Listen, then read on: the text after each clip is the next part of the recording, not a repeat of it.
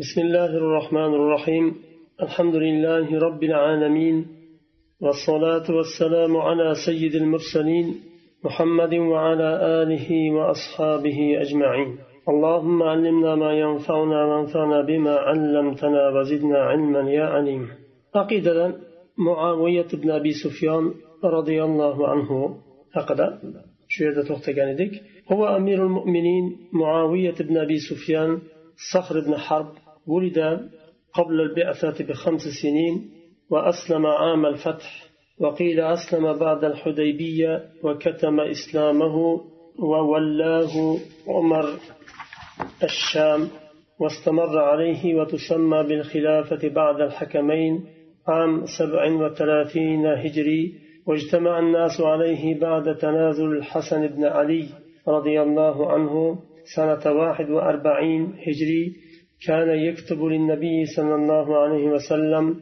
ومن جملة كتاب الوحي توفي في رجب سنة ستين هجري عن ثمان وسبعين سنة. معاوية بن أبي سفيان رضي الله عنه أكش أمير المؤمنين. أبو سفيان صخر بن حرب أغلر. أكش payg'ambarlik yuborilishidan besh yil oldin dunyoga keladi. Bir qovulda makkani fath qilingan yilda islomni qabul qiladi. Boshqa qovulda hudaybiya sulhidan keyin islomni qabul qiladi va islomini berkitadi.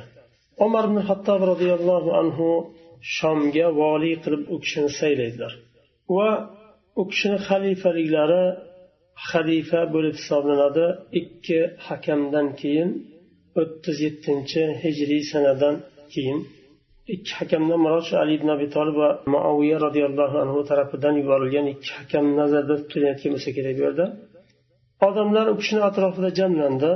Hasan ibn ali roziyallohu anhu xalifalikdan tanozul qilganlaridan keyin ungacha ikkiga bo'lingan edi. qirq birinchi yilda tanozul qiladilar va ummat bitta bo'lib jamlanadi.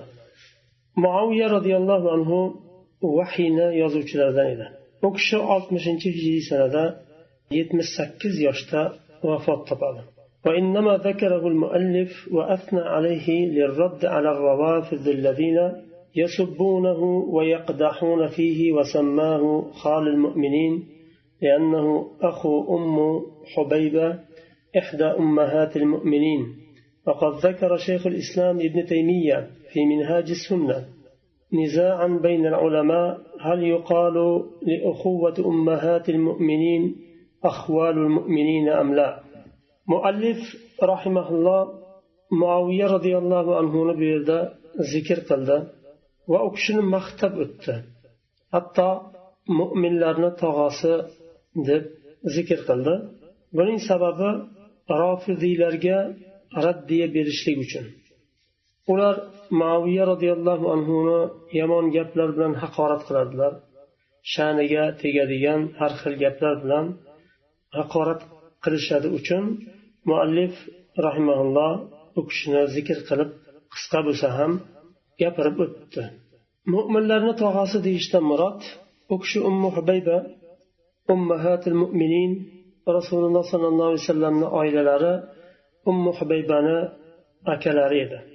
shayx islom ibn taymiya rahimaulloh minhaji sunnada olimlarni nizoani munozarasini zikr qilgan ummahatil mo'minlarni akalari ukalari mo'minlarni tog'asi deyiladimi yo deyilmaydimi shu haqidagi nizoni keltirgan ومن السنة السمع والطاعة لأئمة المسلمين وأمراء المؤمنين برهم وفاجرهم ما لم يأمروا بمعصية الله فإنه لا طاعة لأحد في معصية الله سنة تندر مسلمان لرنا إمام لرجا إطاعت قرشلك أمير لرجا إطاعت قرشلك ularni yaxshilariga ham yomonlariga ham fojir bo'lsa ham itoati vojib bo'ladi modomiki allohning ma'siyatiga buyurmasa masalan riboga buyursa xamir ichishga buyursa namozni qoldirishga buyursa shunga o'xshagan olloh harom qilgan narsalarga buyursa u holatda itoat qilinmaydi itoat qilinmaydi derkan uni shu ma'siyatda itoat qilinmaydi chunki allohga ma'siyat bo'lgan har qanday ishda maxluqqa itoat qilinmaydi ومن ولي الخلافة واجتمع عليه الناس ورضوا به أو غلبهم بسيفه حتى صار الخليفة وسمي أمير المؤمنين وجبت طاعته وحرمت مخالفته والخروج عليه وشق عصا المسلمين كم خليفة لك سيلنسا وأدملار من أطراف جملنسا وشو kishining xalifaligi bilan rozi bo'lsa yoki qilichi bilan g'olib kelsa ya'ni bosib olsa bugungi ba'zi bir nimalarga o'xshagan ba'zi yerlarni bosib olib o'zini toatiga majburlasa u holda xalifa deyiladi yo amir deyiladi amir mo'minin va toati vojib bo'ladi va muxolif chiqishlik harom bo'ladi. Itoatidan chiqishlik harom bo'ladi. Agarchi johil bo'lsa ham xatolari ko'p bo'lsa ham madomiki musulmon sanaladi uni toatidan chiqilmaydi. Chunki toatidan chiqqan sari qon to'kilish ko'payadi fitna ko'payadi va din bu narsaga qarshi. Shuning uchun agar zo'ravonlik bilan bosib olsa ham bosib olib bo'lgandan keyin uni toati vojib bo'ladi. الخلافة منصب كبير ومسؤولية عظيمة وهي تولي تدبير أمور المؤمنين بحيث يكون هو المسؤول الأول في ذلك وهو فرض كفاية لأن أمور الناس لا تقوم إلا بها وتحصل الخلافة بواحد من أمور الثلاثة xalifalik buyuk bir mansab va mas'uliyatdir. U xalifalik mo'minlarni ishlarini tadbir qilishni o'zini zimmasiga olishlikdir. Xalifa birinchi mas'ul inson bo'ladi musulmonlarni hamma ishlaridan va bu xalifalik fardi kifoya hisoblanadi. Xalifa bo'lishlik har bir insonga vojib emas.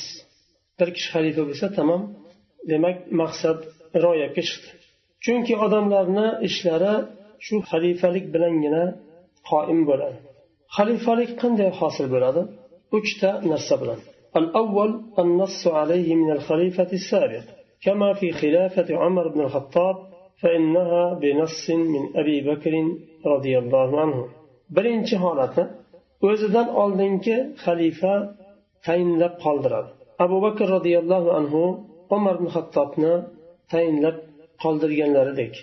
الثاني اجتماع أهل الحل والعقد سواء كانوا معينين من الخليفة السابق كما في خلافة عثمان رضي الله عنه فإنها باجتماع من أهل الحل والعقد المعينين من قبل عمر بن الخطاب رضي الله عنه أم غير معينين كما في خلافة أبي بكر رضي الله عنه على أحد الأقوال وكما في خلافة علي رضي الله عنه ikkinchisi ahlul hall val aqd bir hay'at ki u ahlul hall val aqd har qanday muhim masalani o'rtaga olib yechadigan bir hay'at u hukumat uchun xalq uchun ummat uchun muhim bo'lgan har qanday masalani ahlul hal val aqd o'rtaga oladida uni yechimini chiqaradi. Shularni ijtimosi to'plantisi bilan. Va bu ahlul hal val aqd muayyan kishilarmi? Xalifa tarafidan yangi saylanishligi kerak bo'lgan xalifadan oldingi xalifa tarafidan tayinlangan muayyan kishilarmi ular? Osmon ibn affan roziyallohu anhuni zamoniga o'xshagan. U kishini xalifalikka saylagan ahlul hall val aqd bo'ladi. Va u ahlul hall val aqdni umar ibn hattob roziyallohu anhu tayinlagan edilar. Ashratul mubashshirinlarni jamlagandilar. Farqi yo'q o'sha muayyan tayinlangan bo'ladimi? Oldingi xalifa tarafidan yangi tayinlanmagan bo'ladimi? Eng muhimi ahlul hall val aqd bo'lishi kerak. Tayinlangan bo'lsa ham tayinlanmagan bo'lsa ham. tayinlamaganga misol abu bakr roziyallohu anhuni xalifaliklarida hech kim tayinlamagan edi ahlul hall val aqdni va ali roziyallohu anhuni xalifaliklarida ham shunday bo'ldi الثالث القهر والغلبة كما في خلافة عبد الملك ابن مروان حين قتل ابن الزبير وتمت الخلافة له uchinchisi qahr va g'alaba yo'li bilan bosib olishlik abdulmalik ibn marvonni zamoniga o'xshagan abdulmalik ibn marvon abdulloh ibn zubayr roziyallohu anhuni o'ldirib askarini o'ziga itoat qildiradi. Abdulloh ibn zubayr roziyallohu anhu u kishi zubayr ibn avvomni o'g'illari madinada hokim bo'ladilar. Abdulmalik ibn marvonni zamonida borib madinani bosib olishadi va abdulloh ibn zubayr roziyallohu anhuni hajjoj askari bilan borib o'ldiradi. Hukmi toatul xalifa. Xalifaga itoat qilishni hukmi. Toatul xalifati va g'ayrihi min ulatil umur واجبه في غير معصيه الله لقوله تعالى يا ايها الذين امنوا أطيع الله وأطيع الرسول واولي الامر منكم خليفه وخليفه باشقا باشلارغا اطاعت قرشليك واجبتر أجر allohning ma'siyatidan boshqa narsada bo'lsa alloh taolo aytyapti ey mo'minlar allohga itoat qilinglar va rasuliga itoat qilinglar va o'zlaringdan bo'lgan boshliqlarga itoat qilinglar ولقوله صلى الله عليه وسلم السمع والطاعة على المسلم فيما أحب وكره ما لم يؤمر بمعصية فإذا أمر بمعصية فلا سمع ولا طاعة متفق عليه rasululloh sollallohu alayhi vasallam hadisda aytadilar musulmonga toat vojib bo'ladi yaxshi ko'rgan narsasida ham karih ko'rgan narsasida ham. Madomiki ma'siyatga buyurmasgan amir agar buyursa bir narsaga amirga itoat qilishlik vojib bo'ladi. Agar musulmon shu amir buyurgan narsani yomon ko'rsa shu yomon ko'rgan narsasi agar ma'siyat bo'lmasa agar ma'siyatga amr qilinadigan bo'lsa buyuriladigan bo'lsa itoat qilinmaydi dedilar sallallohu alayhi vasallam hadis muttafaqun alayh وسواء كان الإمام برا وهو القائم بأمر الله فعلا وتركا أو فاجرا وهو الفاسق لقوله صلى الله عليه وسلم إلا من ولي عليه وال فرآه يأتي شيئا من معصية الله فليكرهه ما يأتي من معصية الله ولا ينزعن يدا من طاعة رواه مسلم واجب bo'ladi dedik itoati imomga u imom yaxshi imom bo'lsa ham allohni amrini o'rniga keltiradigan fe'lan va tarkan fe'lan allohni buyruqlarini bajarishlik tarkon allohni nahiylarini tark qilishlik qaytishlik سواء كان برا أو فاجرا yoyinki fojir bo'lsa ham farqi yo'q va fosiq bo'lsa ham modomiki namoz o'qiydimi? Musulmonmi? Qiblaga yuzlanib namoz o'qiydi.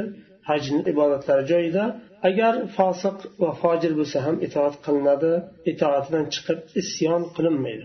Bu ahli sunnani aqidasi. Rasululloh sallallohu alayhi vasallam hadisda aytadilar bir voliy tayinlansa va shu voliyni qilayotgan ma'siyatlarini yomon ko'rsa u holatda shu allohga qilingan ma'siyatni yomon ko'radi va qo'lini toatdan tortmaydi ya'ni imomni toatida baribir qoladi toatidan chiqmaydi lekin shu qilayotgan ma'siyatlarni qalbidan yomon ko'radi karih ko'radi والحج والجهاد مع الأئمة ماضيان نافذان وصلاة الجمعة خلفهم جائزة سواء كانوا أبرارا أو فجارا لأن مخالفتهم في ذلك توجب شق عصا المسلمين والتمرد عليهم حج وجهاد musulmonlarni imomlari bilan birga qiyomatgacha davom etadi va juma namozlari ham va ularni orqasidan namoz o'qishlik joiz bo'ladi agar yaxshi bo'lsa ham va fojirlar bo'lsa ham chunki ularga muxolif chiqishlik musulmonlarni asosini sindirishlik bo'ladi ya'ni jamoatini tafriqaga solishlik والحديث الذي ذكره المؤلف ثلاث من أصل الإيمان ضعيف كما رمز له السيوطي في الجامع الصغير وفيه راو قال المزي إنه مجهول وقال المنذري في مختصر أبي داود شبه مجهول. مؤلف رحمه الله ذكر ثلاث من أصل الإيمان. Uchta narsa bor u iymonning aslidandir degan mazmunda bir hadisni zikr qilganlar. U zaif hadisdir. Uni imom suyutiy jami sag'irda keltiradilar va undagi roviyni muzziy va munziriy aytadilar roviy majhul deydilar. Munziriy aytadilar shibhu majhul deydilar muxtasar abu davudda majhul bo'ladigan bo'lsa yo shibhu majhul bo'ladigan bo'lsa hadis zaif. hisoblanadi والثلاث خصال المذكورة فيه هي الكف عمن قال لا إله إلا الله والثانية الجهاد ماض إلى آخره والثالثة الإيمان بالأقدار.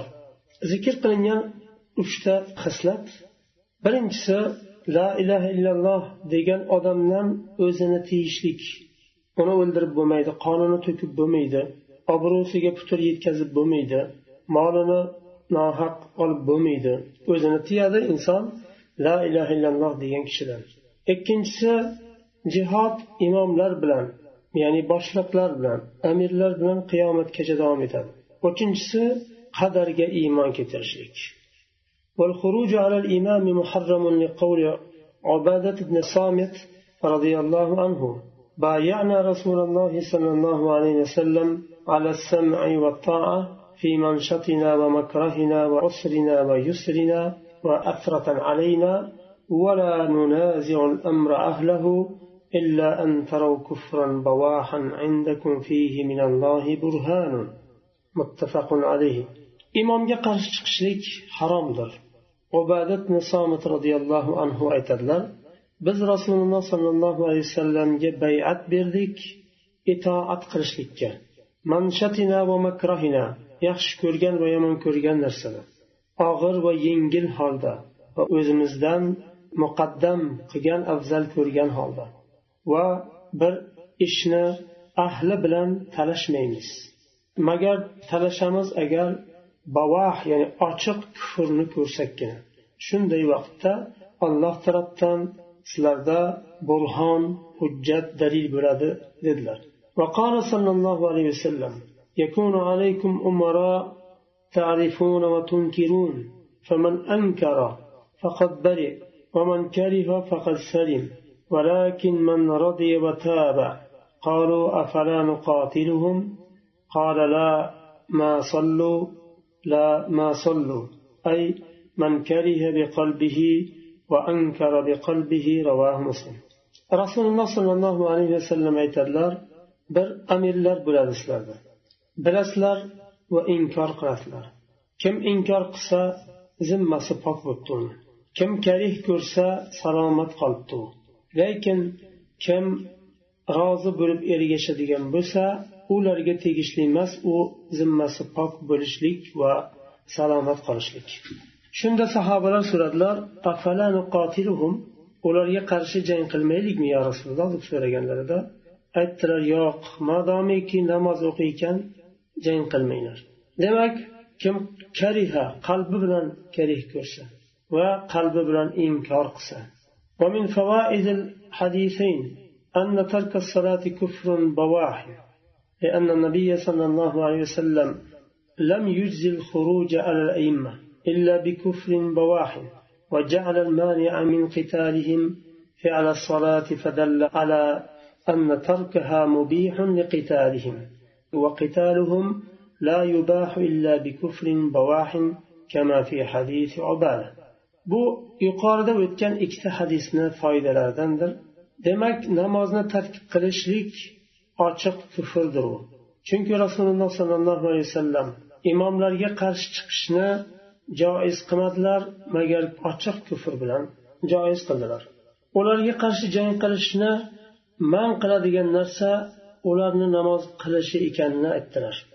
Demak namoz ularga qarshi jang qilishdan man qilayotgan bo'lsa demak hali ochiq kufrda emas ekan ular shuning uchun mumkin emas. Bu narsa dalolat qiladiki namozni tark qilishlik ularga qarshi jang qilishni joiz qiladi muboh qiladi. Va ularga qarshi kurashishlik faqatgina ochiq kufr bo'lganda joiz bo'ladigan bo'lsa demak namozni qoldirishlik ochiq kufr ekan. Rasululloh alayhivasallam namozni o'qirkan qarshi kurashmanglar dedilar. Shu yerda to'xtaymiz keyingi darsdan hijronu ahlul bidadan davom etamiz. Subhanakallohumma bihamdik. Ashhadu an la ilaha illa ant astag'firuka va atubu ilayk.